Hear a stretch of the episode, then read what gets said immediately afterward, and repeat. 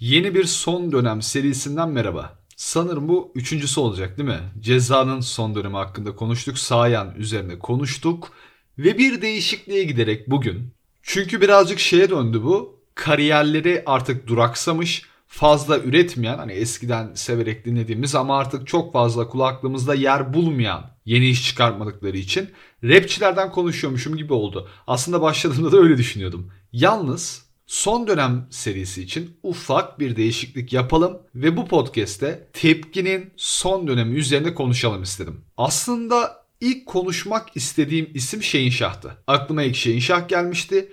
Yalnız birazcık düşününce tepkinin kariyerine daha vakıf olduğumu, en azından daha fazla tepkinin kariyerini takip ettiğimi düşünerek daha kolay yorumlayabileceğimi düşündüm. Çünkü bu da son döneminden falan bahsetmek mesela tepki için de konuşmadan önce birkaç gün boyunca işte albümlerini tekrar dinledim, single'larını tekrar dinledim, geçmişe dönük kronolojik bir sıra yaptım. Ondan biraz zaman aldı. Ve Tepki'nin kariyeri de biliyorsunuz olaylı bir kariyer.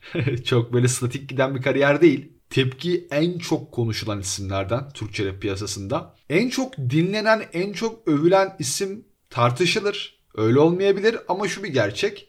Tepki hiç şarkısıyla konuşulmasa bile gerek gündem klibiyle gündem olabilir. Gerek magazinsel olaylarla veya beeflerle gündem olup konuşulabilir. E tabi bu kötü bir şey değil. Çok konuşulan bir isim tepki. Ve tepki üzerine konuşmak istediğimde aslında şu da birazcık etken oldu. Şahit olanlar vardır, hatırlayanlar vardır. Bu senenin ortaları olabilir belki. Artık unuttum biraz ama tepkili ufak bir atışmıştım ben Twitter'dan. Zaten sonlara doğru podcast'in sonuna geldiğimizde buna tekrar değiniriz. Ha şunu bileydin şarkısı üzerine bir atışmamız olmuştu. Ve ondan sonra şunu düşünmüştüm ben. Tepkinin bu bahsedeceğim dönemleri içinde beğendiğim işleri de oldu. Yalnız bunları hiç konuşmamışken, hani bunlar üzerine herhangi bir tweet bile atmamışken direkt kırıcı bir şekilde eleştirmem biraz. Hani insanı düşündürüyor. Birazcık muhakemesini yapıyor insan. En azından ben böyle şeyler de yapıyorum. Tabii zorunlu da değilim. Tepkinin hiçbir işini övmedim. Şimdi gelip eleştirsem ayıp olur gibi bir şey düşünmek zorunda da değilim. Ama biraz böyle düşününce beni rahatsız etti bu. O yüzden son dönem tepki podcast'inde yapmak istedim. Tabi böyle dedik diye günah çıkarma falan olmayacak bu ya da vicdanımı böyle rahatlatmak gibi bir şey olmayacak. Yine bildiğiniz gibi. Evet nesnel şeyleri kronolojik olarak yaşanan nesnel şeylerden bahsedeceğim. Sizi bir yolculuğa çıkartacağım ve tepkinin post MOB kısmını konuşacağız. Yani MOB'den sonraki tepkiyi konuşacağız. MOB'den ayrıldığı günden başlayarak günümüze kadar konuşacağız. Tarihi bir şekilde hatırlamanıza yardımcı olacağım bazı şeyleri ama elbette yorumlarımı katacağım tabi. Eleştirilecek şeyleri, beğendiğim beğenmediğim şeyleri ben öznel olarak yine konuşmuş olacağım. 2020-2022 2-3 senesini tepkinin konuşacağız ama Sayan ve Ceza'daki o yani o podcastler gibi kısa bir podcast olmayabilir bu. Çünkü cidden aktif bir kariyer söz konusu. Hani bir mixtape var, bir ortak albüm var. Bir albüm, bu albümün deluxe versiyonu sayısız tekli 3 sene içinde. Bu cidden aktif bir kariyer. Ki benim sevdiğim tipten kariyerlerden. Ben özellikle Türkçe rap içinde çok durağan geçen bir piyasa içinde ben bu aktifliği severim, saygıda duyuyorum. Dediğim gibi uzun olabilir. Bir şeyle uğraşırken falan arkadan açarsınız abi. Ben genelde öyle yapıyorum. Yemek falan yaparken mesela ESG veya Coşkun Aral podcastleri dinliyorum. Coşkun Aral çok yapmıyor ama hani bir şeyle uğraşırken yandan gitsin. Magazine de girebiliriz. Magazine de hatta belki de bolca gireceğiz. Ama neyden bahsetmeyeceğim? Muhtemelen Vio'nun kariyerini, tepki Vio'nun kariyerini, Vio'nun çıkacak işlerini yönetiyor. Ailesiyle beraber Vio'nun tabii ki de. Onlardan bahsetmeyeceğim. Vio'nun ölümünden sonraki işlerini tepki nasıl yönetti vesaire oraya girmeyeceğim hiç. Salt tepki üzerine konuşacağız. Başlayalım mı? Evet sizi 2020'nin Haziran sonlarına o zaman götüreyim. Oradan bir başlayalım. Haziran'ın sonlarında ne oldu? 26 Haziran'da şöyle bir şey gerçekleşti. Tepki MOB'den çıkacak son işi olan, tabi biz bunun henüz farkında değildik. Merhem isimli bir R&B'ye daha fazla yatkın maxi single'ını çıkarttı. Ve birkaç gün sonra da eğer hafızam beni yanıltmıyorsa yani birkaç gün sonra MOB sayfasını kapadı. Karşılıklı olarak nedir bu takipten çıkmalar vesaire. Zaten bu yayınlanmadan önce de MOB içinde tepki şunu söylemişti. Ben sadece sanatçı olarak var olacağım. Hani A&R'lık veya işte kariyer yönetimi gibi şeylerde MOB'nin bu görevlerinde bulunmayacağım demişti. Ve hatta yine yanlış değilsem bu ayrılık da MOB'den ayrılık da tam tepkinin nişan gününe denk geldi. Nasıl söz gibi değil mi biraz? Hangi şarkısındaydın? Ee, Nasıl Like'da olması lazım. Bir bebek doğar, aynı anda bir adam öldürülür. Başlangıç ve son gibisinden bir sözdü. O nişan olayından da birazcık bahsetmek istiyorum. Tam o dönem yaşandığı için. Tabii özel bir şey değil bu. Özel bir şey olursa zaten benim haberim olmazdı. Tepkinin nişanlandığı Asya ablamız Twitter'da e, bu nişandan önce bir float yapmıştı. Ben de ondan paylaşmak istiyorum. Çok tatlı gelmişti çünkü bana. Yani o float'ta sanırım şeyi söylemişti. Tepkiyi Allame olan akapellasından görüp tanımış. Ki Türkçe rap'in hani bir şarkı olmayıp da bir e, freestyle akapella videosu olarak en çok rağbet gören, en çok dinlenen, izlenen işlerinden bir tanesi. Ondan sonra tepkiyle bir fırsat hani araya gelmişler. Muhabbet etme şansları olmuş ve hip hop üzerine cidden derin derin sohbet. İkisini yani birleştiren şey hip hop üzerine yaptıkları konuşmalar sohbet olmuş ve o şekilde gelişmiş. Ben öyle hatırlıyorum. E tabi bu da ya tatlı geliyor bana. Çünkü ben de kız arkadaşımla hip hop sayesinde tanıştım. Yani elbette müzik tek başına veya hip hop işte bu kültür tek başına iki insanı bir arada tutabilecek kadar özellikle ilişki babında güçlü olmayabilir ama bizim tanışmamıza vesile oldu. Çok fazla şeyi paylaşmamıza vesile oldu. O yüzden benim için de hoş geldiği için bundan bahsetmek istedim. Tepkinin MOB'deki şimdi tamam ayrılık sonrası konuşacağız dedik ama MOB'deki rolü neydi ve gençlere verdiği fırsat konusunda birazcık muhabbet edelim mi? Şimdi bir kere tepki MOB'nin sahibi değildi. Başta ben de öyle düşünüyordum. Ya öyle algılandı çünkü meseleyi tam açıklamadılar. Şey dendi işte Rock Nation'dan yatırım var vesaire tarzı şeyler hatırlıyorum sanki Rock Nation tepkiyle anlaşmış işte MOB'yi kurdurtmuş gibisinden bir şey konuşuldu. Ondan tam açıklamadılar ve çoğu kişi de MOB'nin başındaki adam tepki. Böyle bir olay vardı. Hayır. Tepki MOB'de e, A&R'ın da üstünde. Yani bir kurucu kadar aslında benim anladığım kadarıyla rütbeli birisiydi. Bu ne demek? MOB kuruldu. Tepkiye belirli bir bütçe verildi. Dendi ki tepkiye bu işi yap. Bu plak şirketi işini döndür. Yani çoğu iş aslında tepkinin eline bakıyordu. Tepki ayrıldıktan sonra birazcık şu muhabbete ben denk gelmiştim. İşte görüyorsunuz tepki gitti. Artık diğer farklı isimler o varken ortaya albüm koyamayan, EP koyamayan isimler daha rahat EP üretiyor işte şirket daha rahat artık daha hızlı albüm EP çıkarabiliyor tarzında bir muhabbet döndü ki doğruydu. Öyle oldu birazcık. Ve tepkinin ayrılığı sonrasında gençlerle arası MOB'deki Hefe hariç neredeyse yani bütün gençlerle arası feci bozuldu. Şimdi tabi dinleyici de şuna bölündü. Bir taraf dedi ki tepki olmasaydı bu gençler zaten olmazdı. Diğer tarafta dedi ki Abi bu gençlerin yaptığı işleri zaten görüyorsunuz hani ha tepki olmuş olmamış ne fark eder? Tepki bu gençleri bastırdı, kendini parlattı diyen iki taraf vardı. Şimdi içinde tam olmadığım için yani bu olaylar yaşanırken bu insanlarla muhabbette olan bu olaylar üzerine en azından muhabbette olan birisi olmadığım için kesin yorum elbette yapamam. Yalnız ben şunu hatırlıyorum. Tepki ilk ayrıldığında ve hani e, Uzi ile özellikle bayağı atışmışlardı. Discord'da şunu yazdığımı hatırlıyorum. 2 sene önce olması. İşte 2 sene önce. Tepki olmasa Uzi Küba'da nerede klip çekiyordu ya? yani şimdi böyle bir gerçek var. Ya bunu görmezden gelmeye gerek yok. Uzi'nin bütün kariyeri tepki sayesinde değil veyahut Motive'nin veyahut sonrasında arası bozulan arkadaşların, çocukların bütün kariyeri tepki sayesinde bunu diyemem ben. Çünkü adamların kendi yaptığı işler var, kendi yetenekleri var ama belirli şeyler tepki sayesinde gerçekleşmedi mi ya şimdi? Çünkü öyle bir imaj çizilmeye başlandı ki karşı taraf tarafından. Hani tepki bu çocukların kariyerini sanki yerle bir etmeye çalışmış, işte hep kendini parlatmaya çalışmış, bunları kullanmış. Böyle bir muhabbet oldu. Kesin yorum yapamam ama gözlem ya dinliyorum ve gözlemliyorum. Eğer böyle bir şey gerçekleşmiş olsaydı bir MOB döneminde biz sürekli tepkiyi duymuş olurduk. Aksine tepki MOB'den ayrıldıktan sonra daha aktif bir kariyer çizdi.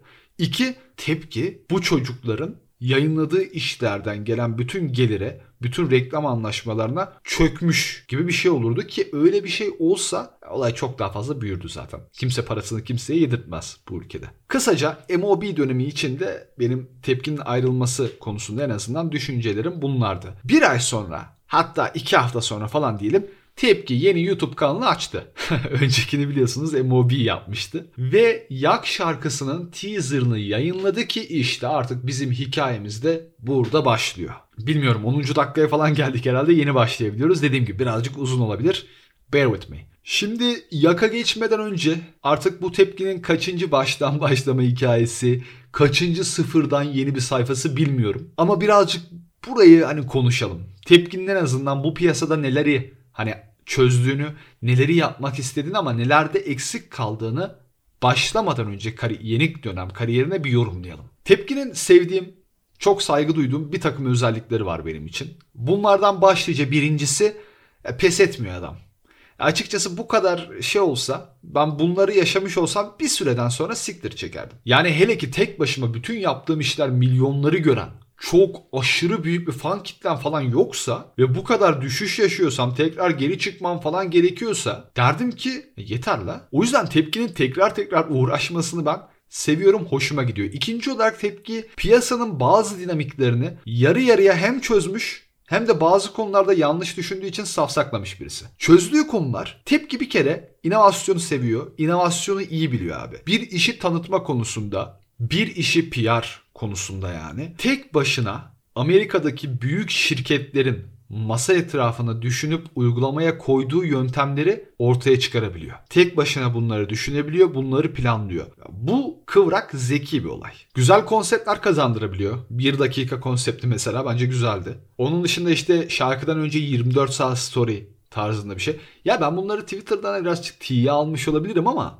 Bunlar güzel şeyler. İşte klipler üzerine kafa patlatması, albüm öncesinde bu insanları dinleyici albüme hazırlaması bunlar tepkinin piyasayı anladığını, piyasayı çözdüğünü gösteren şeyler. Yalnız bunlar yapıldıktan sonra ortaya çıkan iş ortalamaysa, ortaya çıkan iş ortalamanın altıysa, ortaya çıkan iş birazcık iyiyse bir süre sonra insanlar en başında ben şöyle diyorum artık.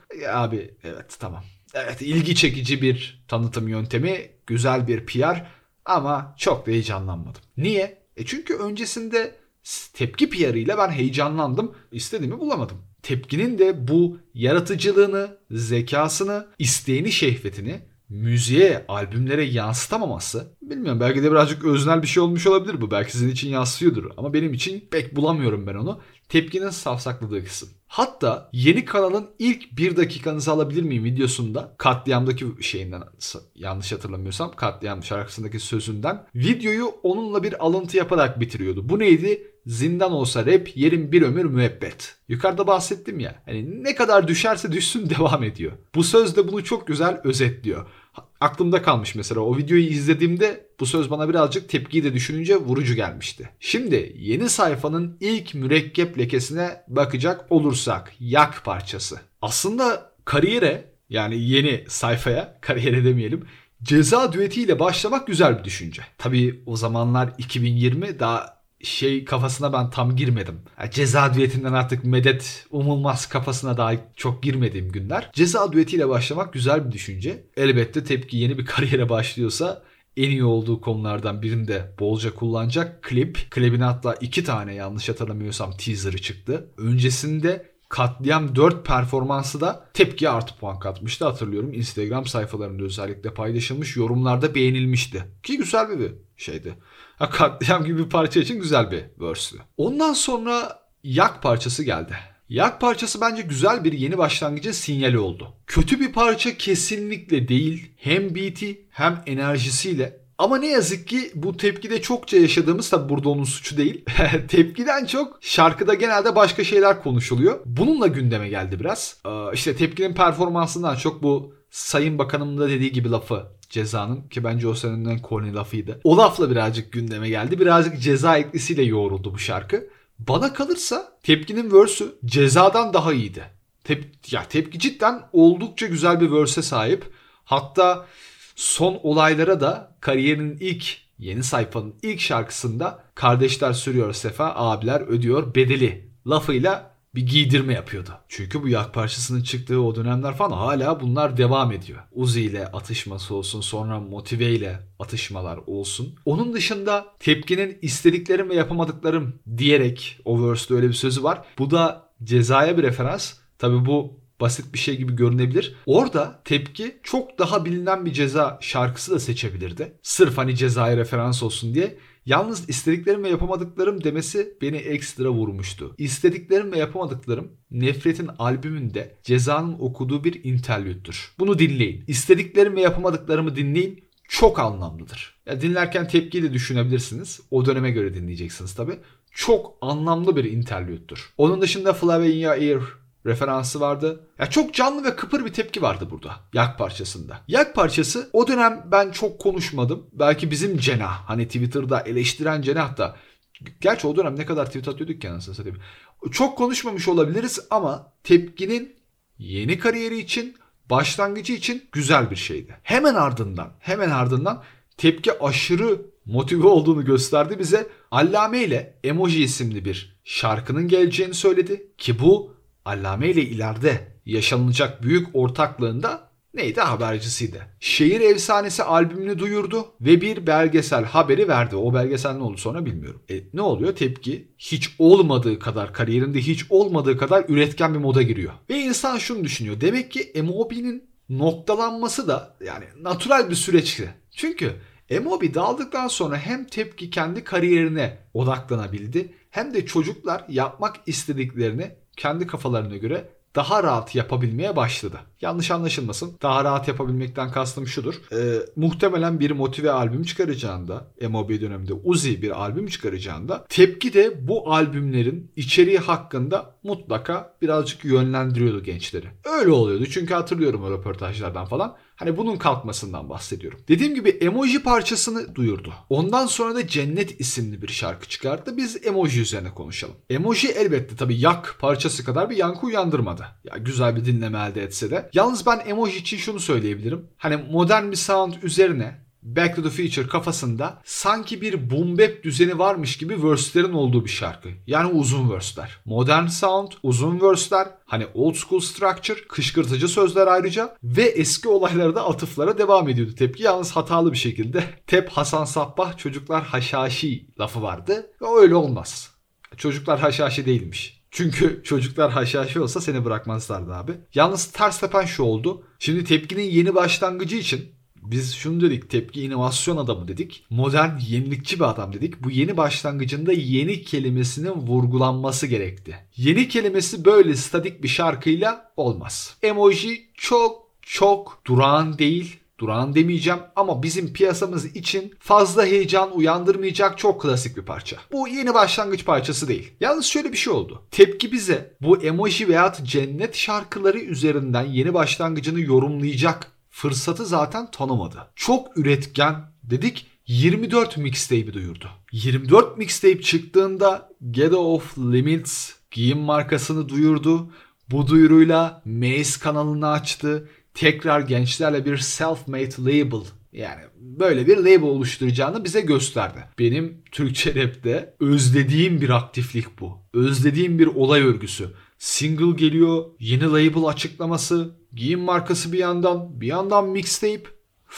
Abi bu dönem cidden çok güzeldi. Şimdi tabii bu e, label olayına daha ileride birazcık değiniriz. Ardından House İstanbul ortaklığı falan var. Onlara değiniriz. Yalnız 24 mixtape'e geçmek istiyorum. Tepkinin epidemik üzerinden Kasım ayının başında çıkardığı ve bir günde tamamlandığını söylediği bir mixtape'ti. 8 parçadan oluşuyordu. Mixtape e, konseptinde 8 parça birazcık şey kaçıyor. Ne diyelim anormal kaçıyor. Hefe, Spade, Kezzu düetleri vardı ve 20 dakikalık bir işti. Bir mixtape'den çok EP gibiydi. Yalnız biz neyi anlıyorduk bundan? Şimdi tepki çok hızlı başladı. Bir mixtape yayınladı. Ne demek bu? Demek ki mixtape'den sonra albüm geliyor demek. Mixtape ara sıcak. Güzel düşünce. Şimdi bir günde tamamlandığı için ismi 24. Ayrıca o sene hayatını kaybeden Kobe'nin de forma numarasıydı. Ona da bir saygı, ona da bir respect. Bir gün olayı için de 24 mixtape bir günde kaydedildi dedik. Tepki buna nasıl bir açıklama yaptı ben tam hatırlamıyorum. Sadece bir günde tamamlandı şeyi kafamda kalmış. Belki o da benim söyleyeceklerimin aynısını söylemiştir ama bir mixtape, EP, albüm bir günde yapılmaz.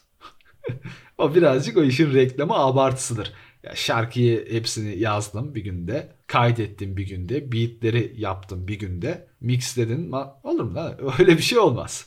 Nedir bir günde dediği? Ya kayıtlar bir günde alınmıştır. Muhtemelen ondan bir gün deniliyor. Ben bu mixtape'i ilk dinlediğimde 2 sene önce kaç vermiştim? 2 vermiştim. Bakalım tekrar bir dinleyince fikrim ne kadar değişmiş. Bu arada güzel bu hoşuma gitti. Bunu daha fazla yaparım bir rapçinin kariyerini son 2-3 senesini falan tekrar konuşmak için dinlemek bana da aşırı yararı oluyor. Tekrar tekrar hatırlıyorum. Introsu çok hoş. Abi 24 mixtape'in introsu çok hoş. Ben böyle introları seviyorum. Introlar genelde skit içeriyor, konuşma içeriyor veya e, yalın bir enstrüman veriliyor. Ama bazen böyle kısa bir rap açılışı yapanlar da oluyor. Bunu mesela kim yapmıştı? Seyit Yakut ilk albümde yapmıştı. Mesela kim yapar? Ace Hood. Bunu Statement 2 mixtape'inin introsunda yapmıştı ki Ace Hood'un Statement 2 mixtape'inde intronun adı muhtemelen Be Great'ti.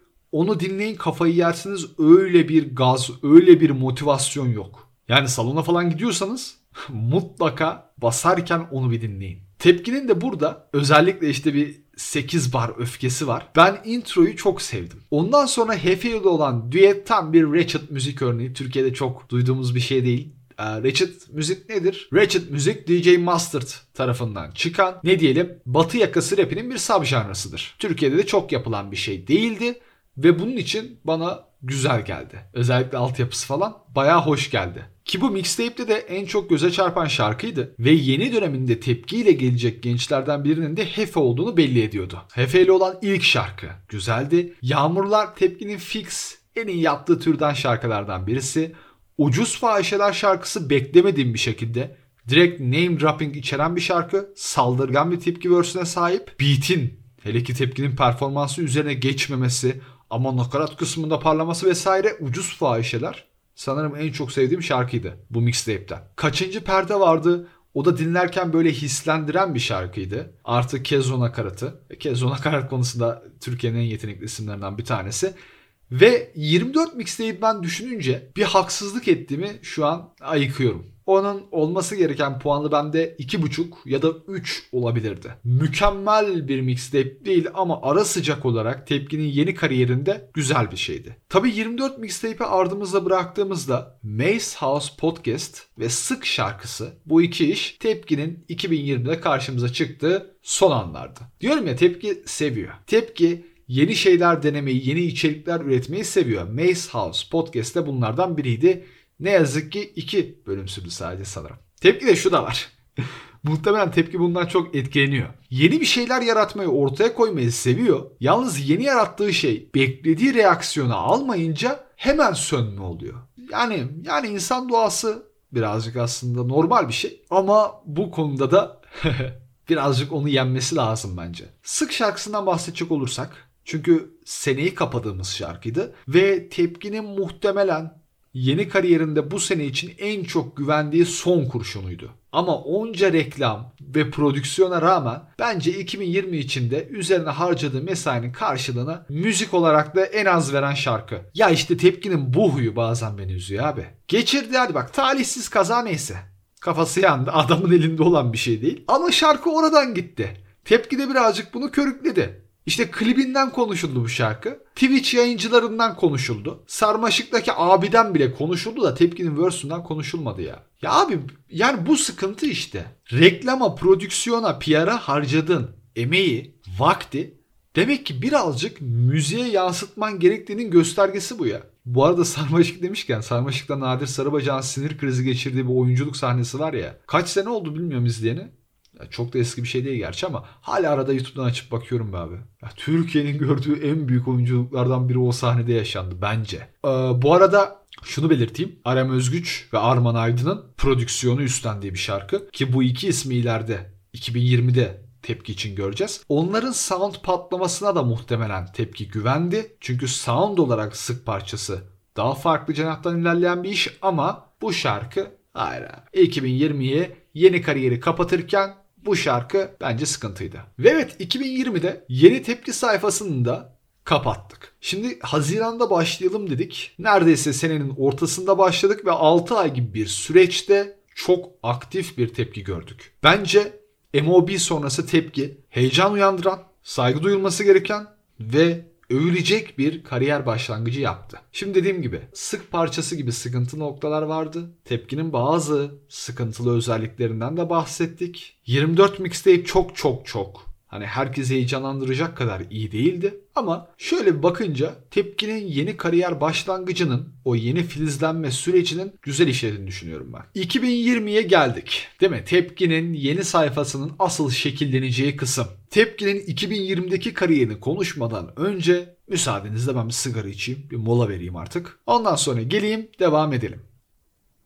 Tekrardan merhaba. 2021'e geldik ve Tepki'nin kariyerine devam ediyoruz. Sinemada veya işte bir kitapta, bir romanda olay akışını düşünürsek eğer Tepki kariyerini 2020'nin ortasında başladıysa artık 2021'de de Climax'e doğru ulaşması lazım mantıken. Yani en azından benim beklentim buydu. Ve Tepki de gerçekten seneye yine çok hızlı başlayarak Şehir Efsanesi albümünün ayın 7'sinde çıkacağını açıkladı. Niye ayın 7'si? Çünkü Tepki'nin doğum günü.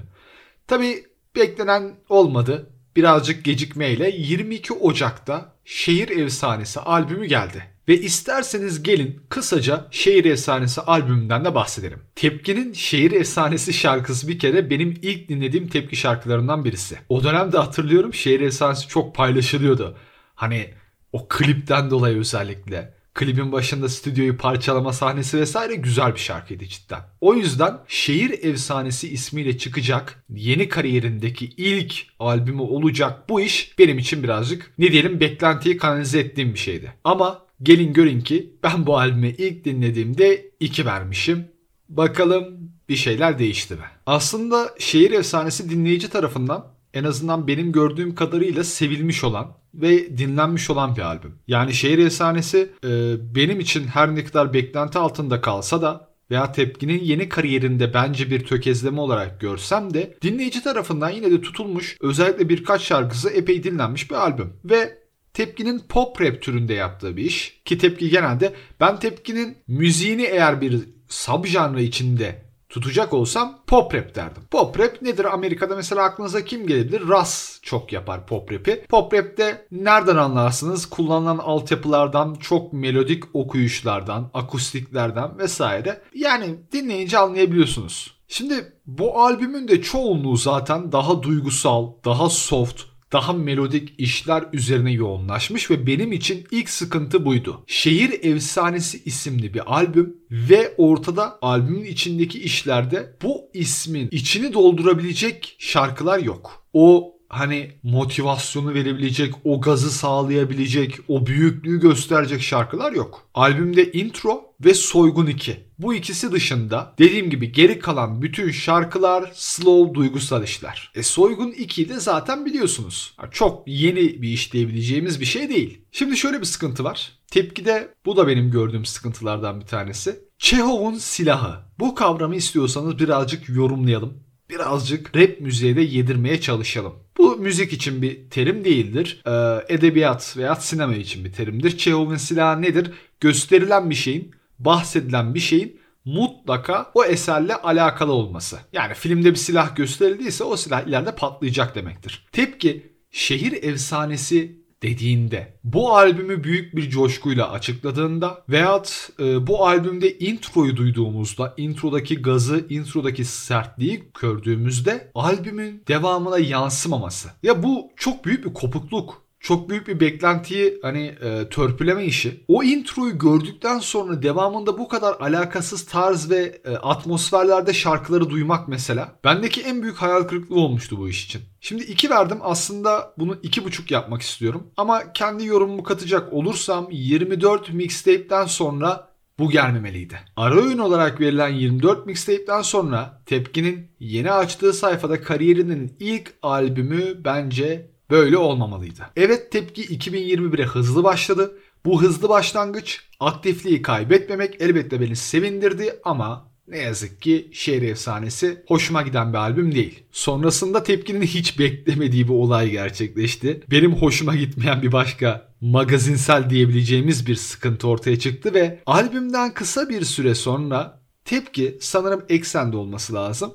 Orada katıldığı bir programda Sagopa hip hop değil diye bir laf söyledi. Bunu kimse beklemiyordu. Tepkinin muhtemelen kendisi de beklemiyordu. Sagopa bu söze çok sert bir şekilde tweet atarak cevap verdi. Hatırlıyorsunuz işte e, Bağcılar Şamanı, Yangın Kelle vesaire vesaire. Sonra da sildi herhalde o tweet'i ama ya kim insanların beklemediği bir şeydi bu. Sagopa'nın kendisine yapılan bir eleştiriyi işte görüp Twitter'da buna karşılık verici. Tamam Sagopa eskiden hani Twitter üzerinden Baykan'a falan hakaret ettiğini hatırlıyorum. Bir aa, kız hayranına hakaret ettiğini hatırlıyorum ama Sakopa uzun süredir böyle şeyler yapan birisi değildi. Ve beklenmedik bir şekilde gerçekleşti bu. Tepkinin deli gibi tepki alması... Ah. Abi isminde böyle bir sıkıntı.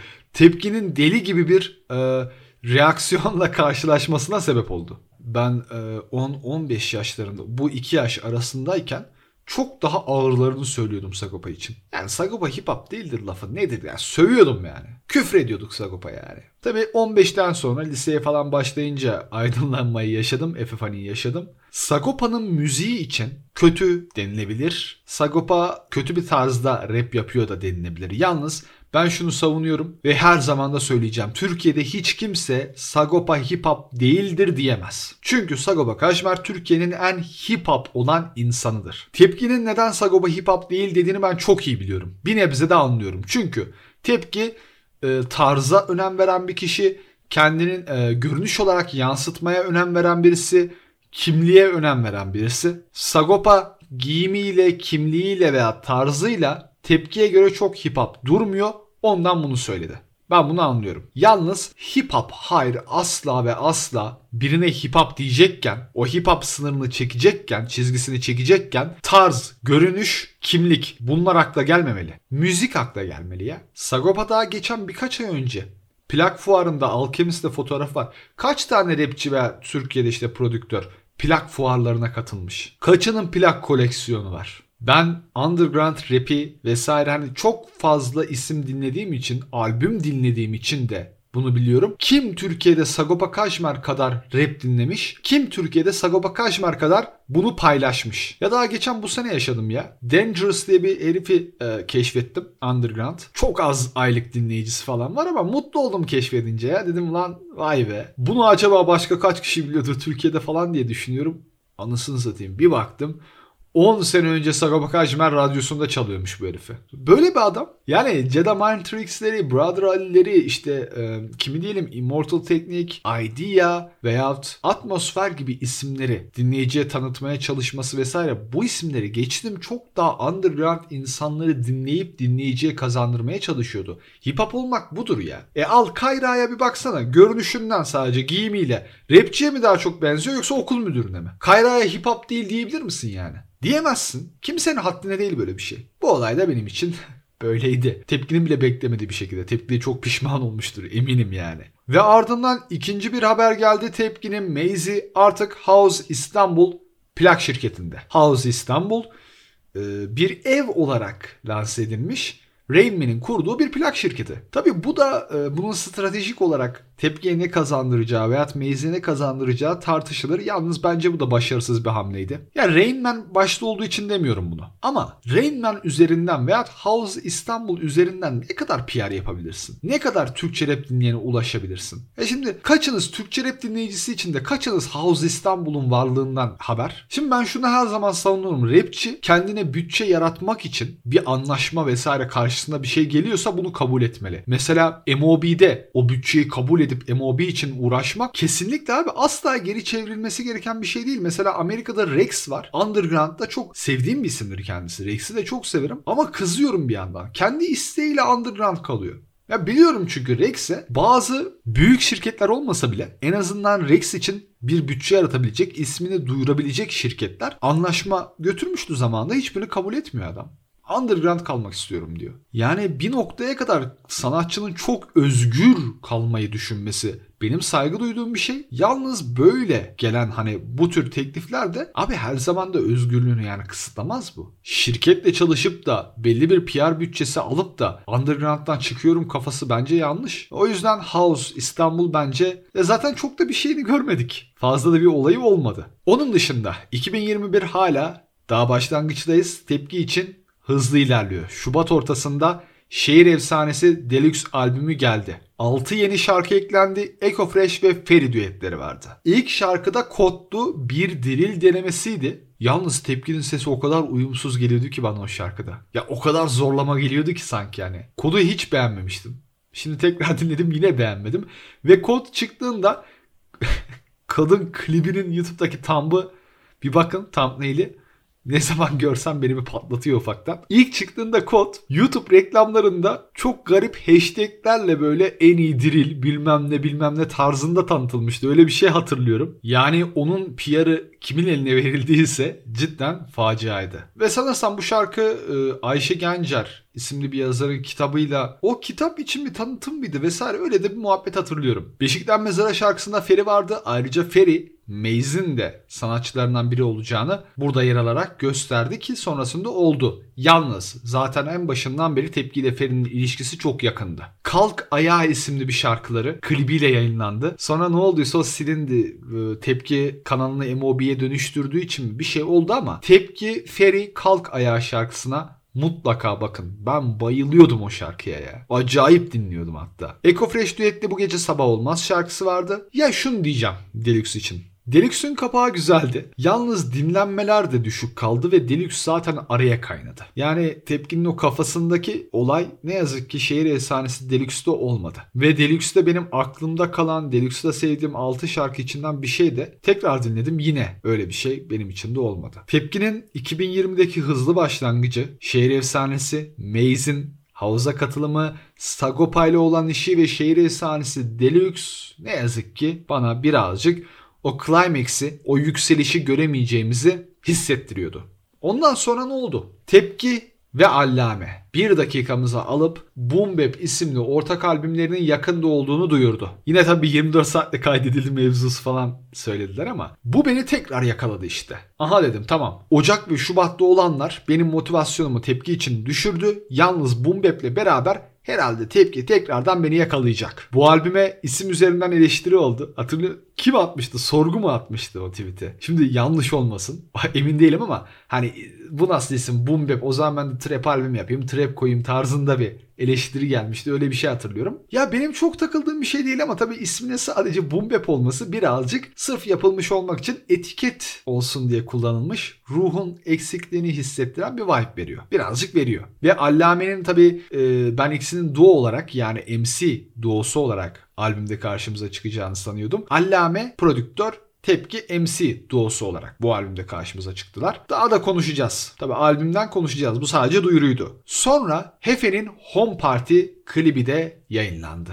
Nereden yayınlandı? Maze kanalından. Tepki'nin yeni Selfmade şirketinden. Hefe Home Party şunu gösteriyordu bize. Zaten öncesinde de konuşmuştuk biraz. Maze ile beraber yeni bir MOB yolculuğu mu başlıyor? Çünkü Home Party çıktıktan sonra tabii ben o işlerin hepsini konuşmayacağım ama tepki yine gençlere odaklanmaya başladı. Özellikle Mamba, Sena Şahin, Barbie e, bu gençlerle beraber düetler yapmaya, onların şarkılarını hani onları birazcık parlatmaya çalışmaya tekrar MOB döneminde olduğu gibi başladı. Ve en son Geri Adım Yok şarkısı çıktı ki biz de orada bitireceğiz zaten. Tepkinin kariyerindeki yeni başlangıç dediğim gibi beni heyecanlandırıyordu. Yalnız Maze işi beni hiç heyecanlandırmadı. Çoğu dinleyiciyi de zaten heyecanlanmadı. Beklenen reaksiyonu bulamadı. Tepki devam etti. Hala devam ediyor. Muhtemelen Maze'le beraber bir albüm de çıkacak. Öyle bir şey var sanki. Abi ikinci olmaz ya. Yani ben bir daha o MOB'nin verdiği hype'ın o dönem MOB'nin başardığı bazı şeylerin tekrarlanacağını sanmıyorum. Ki cidden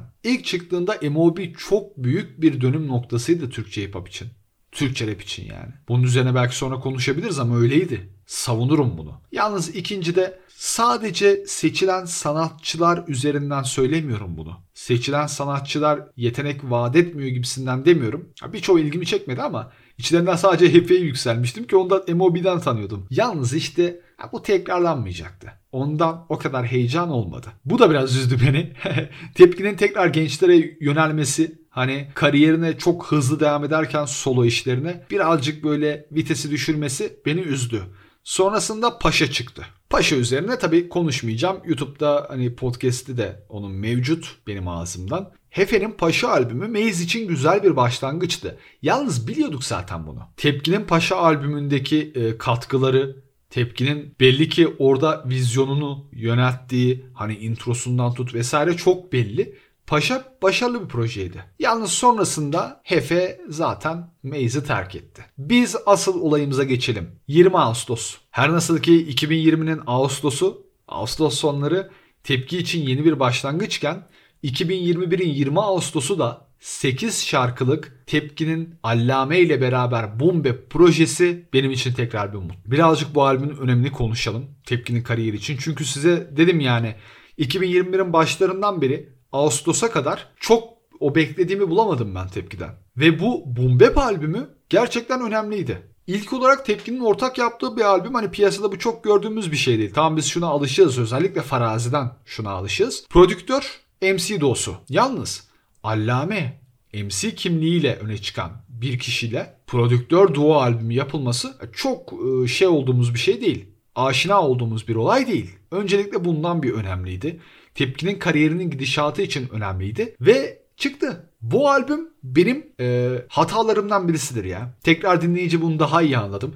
Ben bu albüm neredeyse hiç konuşmadım. Hani övmeyi bırak hiç konuşmadım bile. İlk dinleyişimde de 2.5 vermişim. Albüme girmeden önce bence kapak sıkıntılı. Tamam cool bir kapak, akılda kalıcı bir kapak ama abi duo albümü yani Allame tamam prodüksiyonda var da ya Allame de olsaydı ya kapakta. Prodüksiyon bu işin yarısıdır. O yüzden birazcık bana garip gelmişti. Albüme girecek olursak şunu söyleyebilirim ilk başta. Tepki intro işini çözmüş. Tepki cidden bir albümü nasıl açacağını gayet iyi biliyor. Şimdi burada bu defa konuşma var. Buradaki konuşma size yer yer mantıksız gelebilir. Veya tam tersi. Size albüm için de gaza getirebilir. Hani sevin veya sevmeyin. Bu tartışılır ama intronun işlevi var. O kesin işte. Boş yere oraya haybeden konulmuş bir şey değil. Introda konuşmada MOB'nin kurucusuna ve gençlere kızgınlığını tekrar dile getiriyordu. Tepki, şehir efsanesi albümüne yönelik kendisinin getirdiği bir eleştiri vardı.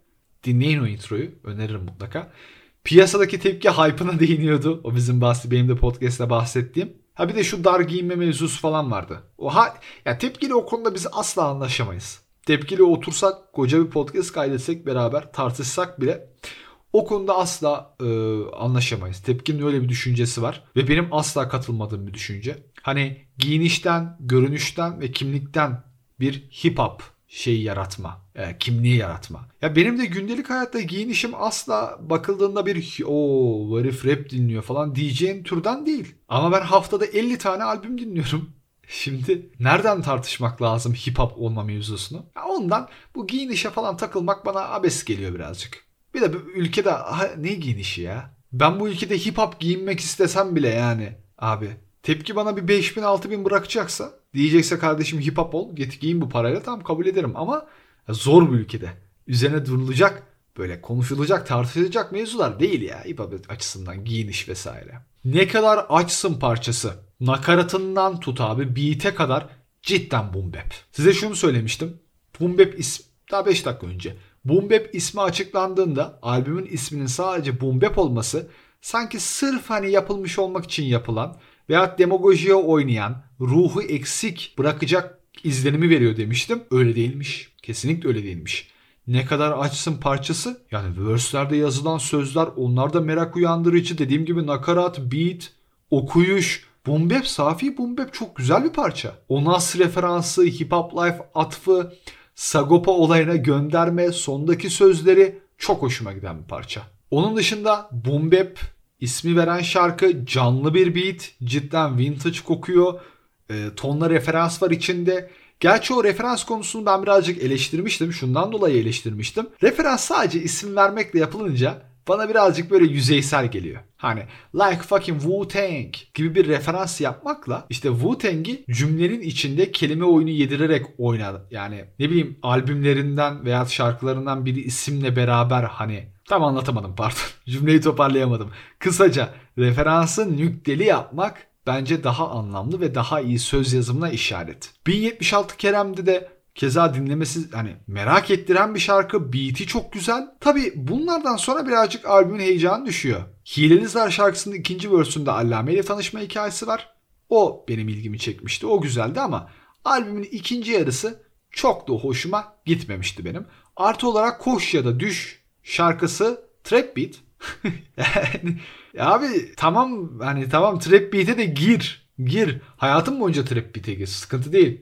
Tepki onu da yapıyor da abi Bumbep isimli bir albümde ne alaka trap beat ya? ABS iştigal değil mi biraz? Neyse bu ikinci yarıdaki sıkıntıları geçecek olursak ben bu albümün ama hakkını yemişim. Şimdi düşününce bu albümün puanını kesinlikle ortalamanın üstünde 3 yaparım. Ve sonuç olarak ne oldu? Boom Bap albümü tekrardan Tepki'nin kariyeri, yeni kariyeri için bana bir umut verdi. Ve böylece 2021'i çok başarılı bulmasam da yine bir umut vardı. Yalnız 2021'in tam sonuna geldiğimizde gider ayak Tepki bize şakasını yaptı.